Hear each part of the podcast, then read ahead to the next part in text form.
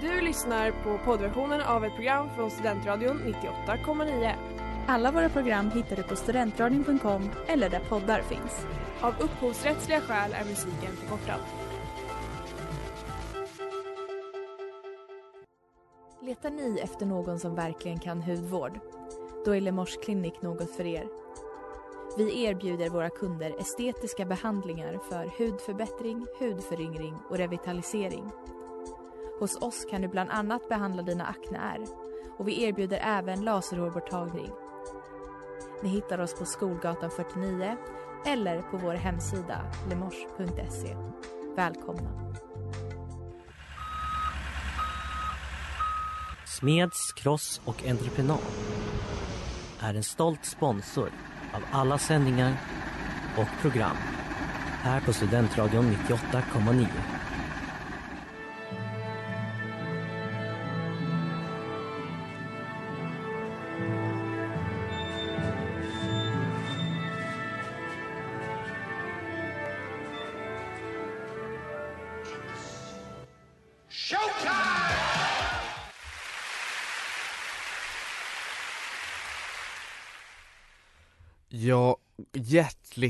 Välkomna kära delegater, damer och herrar och icke-binära.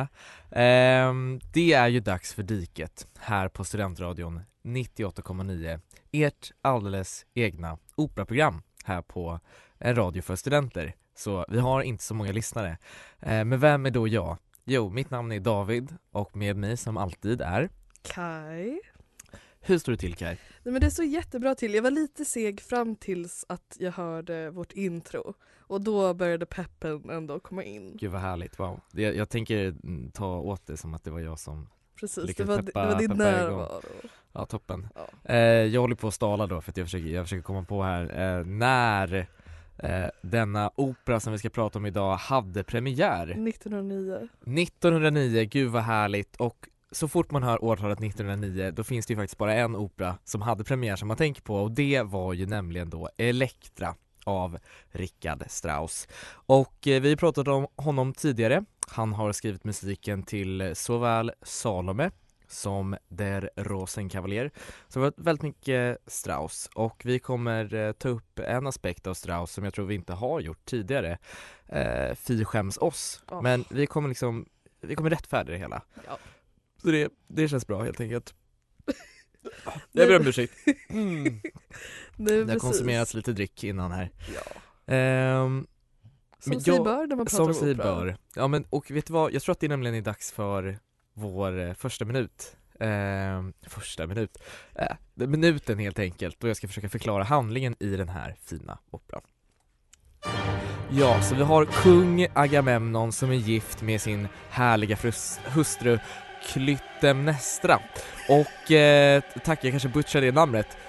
Hon dödar Agamemnon med hjälp av sin eh, älskare vid namn Aegistus, eller något sånt. Agamemnon har eh, tre barn, Elektra, Chrysotemis, eller Chrysotemis och Orestes. Alltså de här namnen är svåra. Kan jag skratta bara. Elektra söker hämnd, hon säger ah, min pappa nej han är död. Och Klytemnestra som är då hustrun som har dödat Agamemnon, hon ångrar sig lite också är så, men herregud vad ska jag göra? Eller för, Elektra är så, ah, den här brorsan, Arestes, han kanske då kan döda Elektra och hennes äl- äh, äh, frun och äh, hennes äh, älskare men han är död och försvunnen, men han kommer tillbaka och säger så, nu ska vi döda, nu ska vi döda eh, de, de, eh, både då Klytemnestra och eh, Aegistus, eller hur man nu säger. Och eh, så gör de det, och Elektra blir jätteglad och så dansar hon helt enkelt och så dör hon också tydligen. Ja, det är precis så det händer. Och där fick ni höra Wo beleibt Elektra. Och den är då skriven av Richard Strauss, eller då kanske lite mer librettot är skrivet av eh, Hugo von Hofmannsthal som också har då gjort librettot för Der Rosenkavalieren och ni fick höra den stora eh, världsstjärnan Birgit eh, Nilsson som hon kommer, hon kommer sjunga rollen som Elektra, vi har inte hört henne riktigt än men eh, hon kommer i alla fall vara med Eh, och eh, vilka är det då som har eh, spelat denna härliga musik? Jo, det är Wienerfilharmonikerna och de är dirigerade av Sir Oh He's Knighted, eh, Georg Solti. Och ni lyssnar på Diket här på Studentradion 98,9. Ja, Kaj, var det något jag missade när det kommer till handlingen? Alltså jag tycker egentligen så fick det ju med, för det händer ju inte så mycket. Nej, Det är mycket känslor bara. Det, det är mest känslor och just det här liksom, fokuset ligger ju på Elektra. Mm. Och eh, jag tänkte att jag, vi drar bara några centrala delar som vi nog kommer liksom hänvisa till senare så att Mm. alla ni lyssnare är med oss. Och det är ju att liksom nästan en av de centrala delarna är ju Elektras dagliga ritual av att minnas och nästan genomleva mordet Mm. på Agamemnon, sin pappa. Eh, Det hör vi särskilt i Alain Veganst, eh, Mm. eller Alone, Alas Alone. Jag tror vi kommer få höra lite av den också. Ja men det, Mm. det hoppas jag, det är en Mm. banger så att säga. Eh, sen så har vi också eh, moderns roll i det hela, att hon, hon är väl kanske inte så ångestfull men hon, hon har mycket mardrömmar Ja, efter det här. Och hon söker sig till och med till sin kloka doktor Elektra och hon bara eh, ja. Hon bara, du kan ju kanske göra då ett blodsoffer, det är väl- eh, ditt egen. Ja. Din jävla satmara. Precis. Alltså nu, nu läser jag mellan raderna Ja. här. Precis. Och sen eh, just det här med Orest-brodern som eh, alla tror vid ett tillfälle har dött. Mm. Eh, som kommer tillbaka och bara "Ah, men tja, nej men ja, nu kör vi. Nu kör vi. Nu Jag vill, jag vill jag. också bara säga, alltså där, om, om man vill dra lite kopplingar då till andra operor För att Ores kommer och varken han eller Elektra känner igen varandra Även om de är syskon, och om det här hade varit en Wagneropera så hade, Hade de, de blivit, legat? Ja, de hade legat direkt. De hade bara, 100%. mm, det är något du, det liksom dras till Alltså dig vi, på något vi sätt drivs av samma, vi- det känns som, som Mm. att vi har en Ni drivs av historia. ert gemensamma DNA, ja. Precis. Eh, och sen då, som du också nämnde, det här Elektras vinst liksom, när hon dansar av lycka och faller ihop, liksom Mm. död av dansen eller eh, bara extas. Men jag tänkte, det är ju inte eh, eh, mitt, min lilla prata om inte jag pratar lite om historia. Men vet Så du vad? sant. Jag tycker att jag sparar det. Helt Bara rätt. en sekund.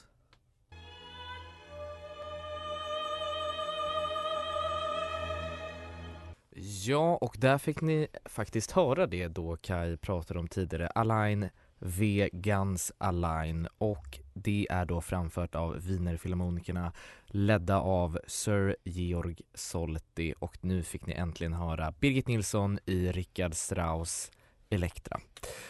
Eh, och ni lyssnar på Diket här på Studentradion 98,9. Nu vet inte jag riktigt vad vi ska prata om men vi kan ju alltid fortsätta då helt enkelt med den så kallade historien bakom Ja. Elektra. Ja, men precis, för jag är ju en avdankad littvetare. Eh, så såklart har jag ju läst Alla littvetare är avdankade Kaj. Okej. Det, det, alltså, jag kan inte ens bli arg. Eh, såklart har jag läst Sophocles grekiska tragedi Elektra. Och eh, jag tänkte snabbt dra lite liksom lite skillnader och Mm. liksom hur, hur de har tolkat. Och en tydlig skillnad är ju just hur Strauss och Hoffmannsthal har singlat ut och verkligen fokuserar på Elektras upplevelser. Mm. I, I tragedin så är det mycket, eh, lite mer liksom allmänt. Eh, även om hon är, har Central, titel, liksom. titelrollsinnehavaren. Men, eh, men ändå lite mer liksom, eh, blandat. Även eh, en grej som jag tänkte på för att jag förstod det inte helt när jag kollade på operan. Eh, eftersom att jag då läste originalet. På grekiska. På grekiska. Ah, Absolut inte. Mina språkkunskaper är eh, Föga. föga få. Eh, och en central skillnad är, jag var förvirrad för att jag bara, men varför är Elektra så taggad på att mö, för, eller varför döda Klytamnestra? Da. För i original, eller i, inte kanske i originalet men i den antikens historia, liksom mytologi och sådär, Mm. så är det så att orsaken till att Klyptamnestra börjar, eller Klittan, som vi säger, Klittan, ja, klittan. eh, vill, liksom, eller det väcks att hon vill döda Agamemnon är för att han offrade deras tredje dotter Mm.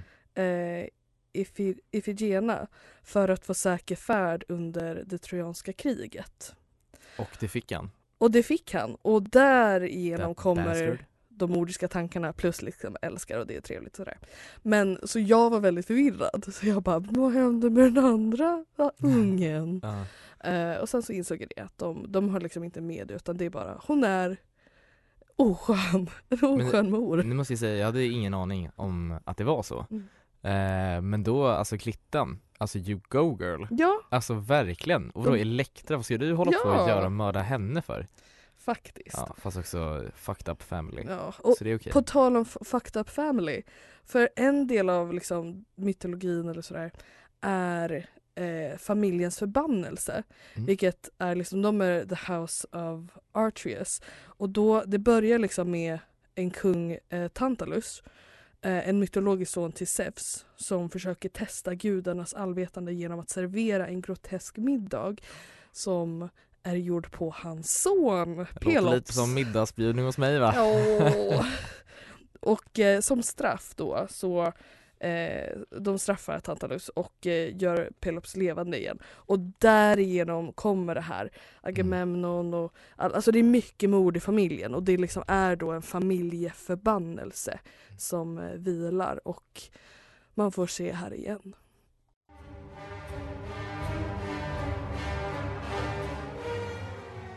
När fick ni höra Ich will nichts hören och den är då framförd av Wienerfilharmonikerna ledda av Sir Georg Solti med den fantastiska sopranen Regina Resnick. Och denna härliga opera är då Elektra som är skriven eller snarare sagt komponerad av Richard Strauss.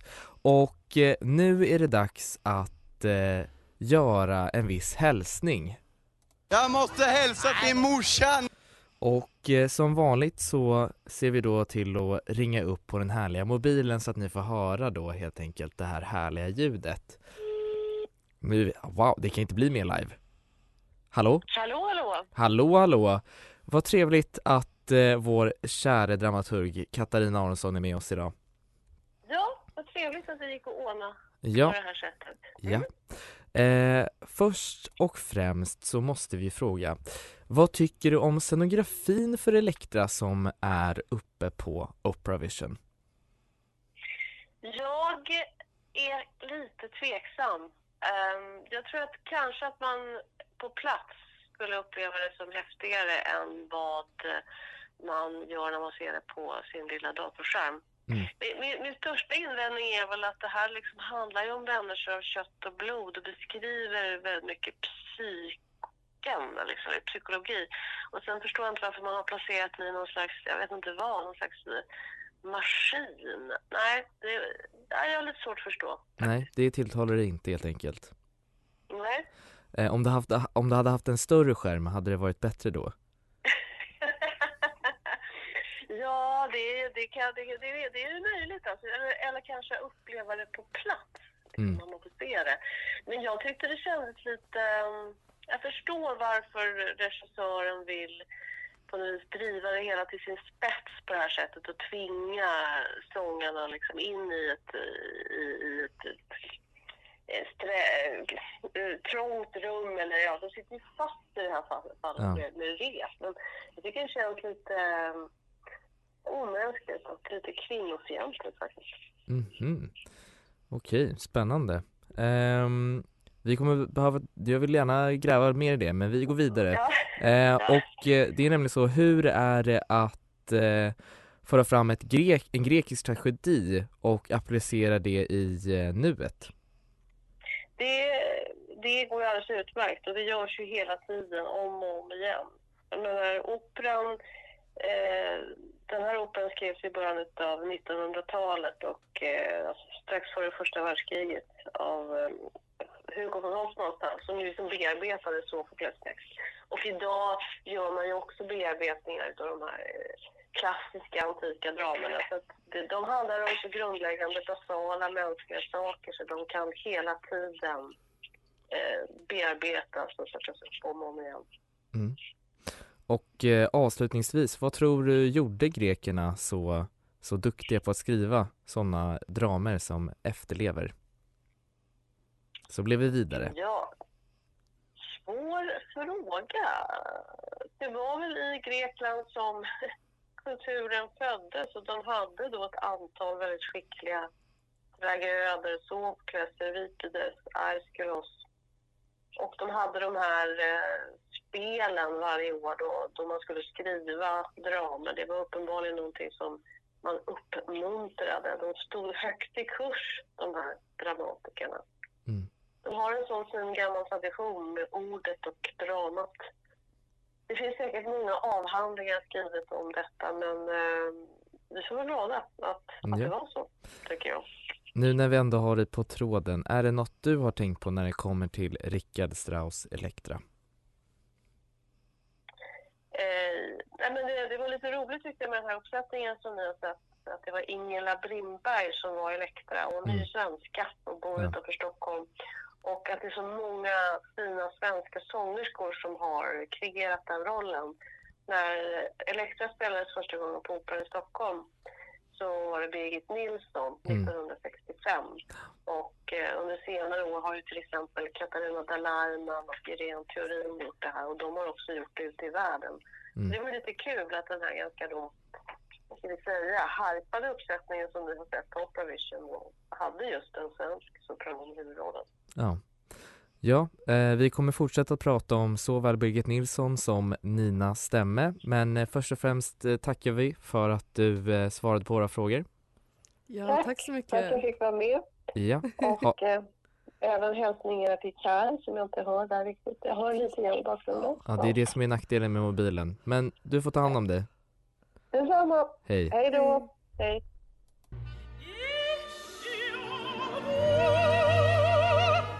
Ja, och där fick ni höra Richard Strauss Elektra med arian Was sagen Sie ihr den Och den är framförd av Birgit Nilsson som huvudrollsinnehavare, även Wienerfilharmonikerna ledda av Sir Georg Solti och ni lyssnar på Diket här på Studentradion 98,9. Och som vi pratade precis tidigare om med min kära mor och även då dramaturg från Kungliga Operan i Stockholm, Katarina Aronsson. Nina Stemme och Ja. eh, stora svenska operasångerskor. Precis. Ja, det är ju så att Dina Stämme var, har ju spelat Elektra bland annat då på eh, The Metropolitan Opera. Mm. Ehm, och de har en massa poddar som jag tycker är jätteintressanta. eh, som jag snor från, nej, jag inspireras av. Ja. Eh, och i en av dessa som heter Aria Code som de fokuserar på en aria och då, då den här Elaine, Elaine Van uh, Veganst. Och den, den var väldigt spännande just för att den eh, involverade väldigt många olika röster. Bland annat Nina Stammen som får prata om just eh, Elektra-rollen som soprano eftersom att det är en av de svåraste rollerna eh, man kan ha. Samt också dess relation till liksom, trauma. Då hade de också, som vi kommer att höra om lite mer senare. Men jag tänkte vi, vi ska höra lite eh, vad, vad Nina Stammen liksom, eh, säger om det här. I have to really save my voice and make sure that it still carries above the orchestra. I heard about one rehearsal in Dresden when he was still supervising the first production, and he told the orchestra, Play louder, I can still hear the soprano. And that's what it feels like sometimes. Ja, och då, då kan man även tillägga att eh, Strauss orkester i Elektra är en av de största. Mm. Eh, och det, det märker man verkligen i, när man lyssnar på det. Att det är, men, men det är också i sån samklang med eh, narrativet som jag älskar. Och, eh, och eh, operasångers, Mm. operasångarna. Eh, så ja, nej men svår. Ja, riktigt svår. Men det en annan sägs ju... som- Ja. ja. men exakt. Och det sägs just att den här rollen som Elektra, det är då en karriärdödare. För att genom att bara sjunga eh, rollen som Elektra så förkortar man sin karriär, brukar man säga. Eh, och eh, en av de som då fick det här höra, förutom då Nina Stämmer då kanske som otrolig sångerska. Som också hörde ju- i Solme. Ja, exakt, är ju då Birgit Nilsson som eh, kanske då mer känd är som eh, personen på 500-lappen. Bara för att vara så lite Ja. peng, alla gillar pengar. Alla gillar pengar. Ja, och eh, det som är så intressant med Birgit Nilsson, vi fick ju höra hur min kära mor då berättade om premiären 1965 den 14 maj på Kungliga eh, Operan. Det är också så att Elektra var även den första av Hugo von Hofmannstalls texter som blev översatta då till svenska. Kan vara intressant att veta.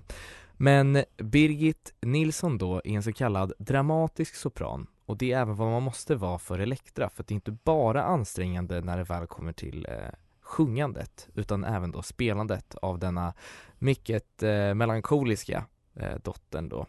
Eh, och vad är då en dramatisk sopran? Jo, det är någon som kan sjunga både lågt men även väldigt högt, så man har helt enkelt ett stort omfång. Men vanligtvis lite mer låga toner. Vad är då motsatsen? Jo, en koloratur, koloratursopran, som då kan sjunga mycket höga toner. Så där fick ni lära er någon liten skillnad. Men det som kan vara spännande just med Birgit Nilsson, det är ju att hon vid 66 års ålder slutade sjunga opera. Det är väldigt sent att avsluta sin karriär som en operasångerska trots att Elektra är karriärdödaren. Men i det här fallet så kan man ändå säga att det var just Elektra som dödade hennes karriär då det var det sista hon framförde, nämligen 1982. Det var då hon avslutade sin karriär med då Elektra. Ja, och där fick ni då höra Richard Strauss Elektra och arian som framfördes nu kallas då Orest Orest ist tot och sångerskorna var Marie Collier samt Birgit Nilsson. Orkestern var Wienerfilharmonikerna och dirigenten var Sir Georg Solti och ni lyssnar på Diket här på Studentradion 98,9. Vi har ju då pratat om Strauss tidigare, både när det väl kommer till Salome och Der Rosenkavaljen.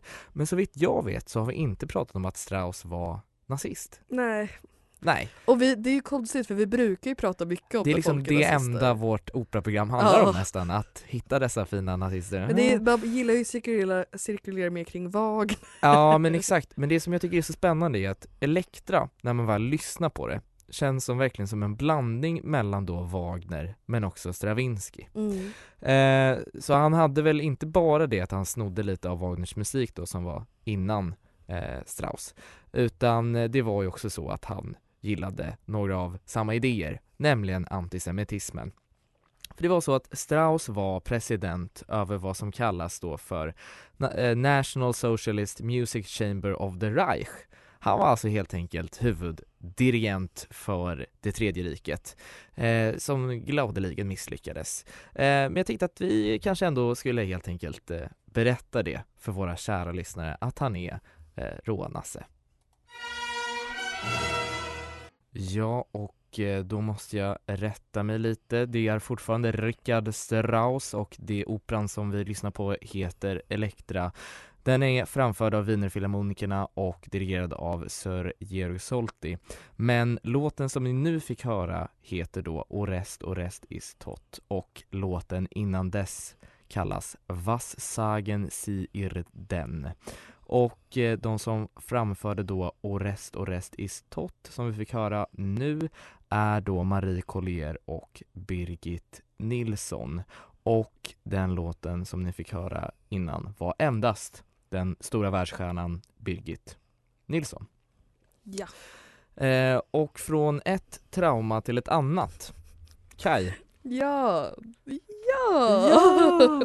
Nej men den här, den här aria code, de pratade ju då också med eh, i, I det här vävde de ihop hur liksom trauma kan visa sig på olika sätt. För att Elektra är ju väldigt Alltså det, man vet ju Elektra-komplex, Freud, alltså, alltså, det, är mycket, det är mycket om det mänskliga psyket. ja, Också som. Duchamp eh, nämnde. Ja. Och då hade de även med eh, David Holthaus som är en filmskapare och skrivit isär om, sitt, om sitt barndomstrauma. Eh, som heter Stalking the Boogeyman and Outing the Boogeyman. Och hur, om hur liksom det, det, traumat fortsatte påverka tills det enda som gav honom något slags lugn gentemot konstanta flashbacks var att föreställa mordet på den som orsakat traumat. Vilket till slut inte heller hjälpte och då började han staka honom och göra tydliga steg för att utföra dådet. Eh, ta bort hotet helt enkelt. Tills, han för, tills hans föräldrar hittade en gammal dagbok och då när hemligheten inte längre var hemlig fann han istället skrivandet och för att skriva sin hämnd. Men då ska vi höra bara kort lite liksom hur, hur det kan yttra sig. Liksom.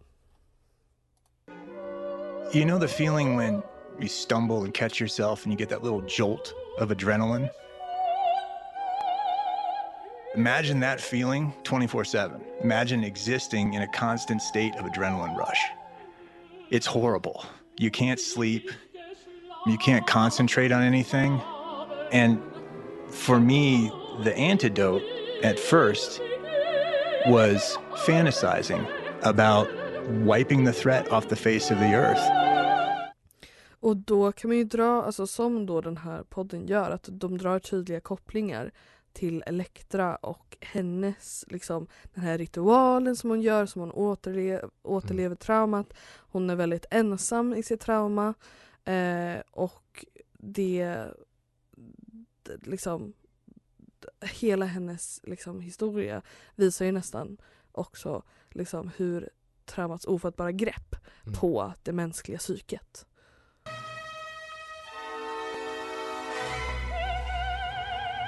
Ja, och där fick ni höra Richard Strauss Elektra och de arierna fick höra är då Elektra Schwester där Marie Collier sjunger samt Ob ich nicht höre där då Birgit Nilsson kommer in och den är framförd av Wienerfilharmonikerna men även då ledda av Sir Georg Solti. Den varianten av Elektra vi fick se vi på diket här på Studentradion 98,9 det var ju då eh, The Grand Théâtre de Genève så Genèves Genève. som det så vackert heter på svenskas eh, ja, opera helt enkelt, eller teater då. Och eh, den, eh, de var ledda då av eh, Ulrich Rasch. Eh, vad, vad tycker du Kaj om den här, eh, den Ja, här operan? alltså, jag, jag tyckte att i in hindsight eh, när Ja. vi fick höra på Katarina Aronssons eh, tveksamheter till scenografin Mm. så håller jag eh, nog med. Men det var ju väldigt, det var ju lite coolt. You cave! Men det var lite coolt. Men om man ska ratea Mm. eh, då, då skulle jag Elektra i, i helhet Mm. skulle jag ändå ge den typ fyra av fem PTSD-utredningar. Mm, 4-5 BTSD-utredningar, ja. Eh, nej men jag är nog villig hålla med, det är en väldigt simplistisk eh, handling och det är väldigt bra musik. Eh, om du ger en 4 av 5 PTSD-handlingar så ger jag den 4 av 5 eh, nazister i ledning. Eh, och om ni vill höra mer bra och härliga spaningar från Diket här så är det bara att följa oss på Instagram, diket98.9. Ja, så hörs vi nästa vecka. Det gör vi. Hej! Du har lyssnat på poddversionen av ett program från Studentradion 98,9. Alla våra program hittar du på studentradion.com eller där poddar finns. Och kom ihåg, att lyssna fritt är stort, att lyssna rätt är större.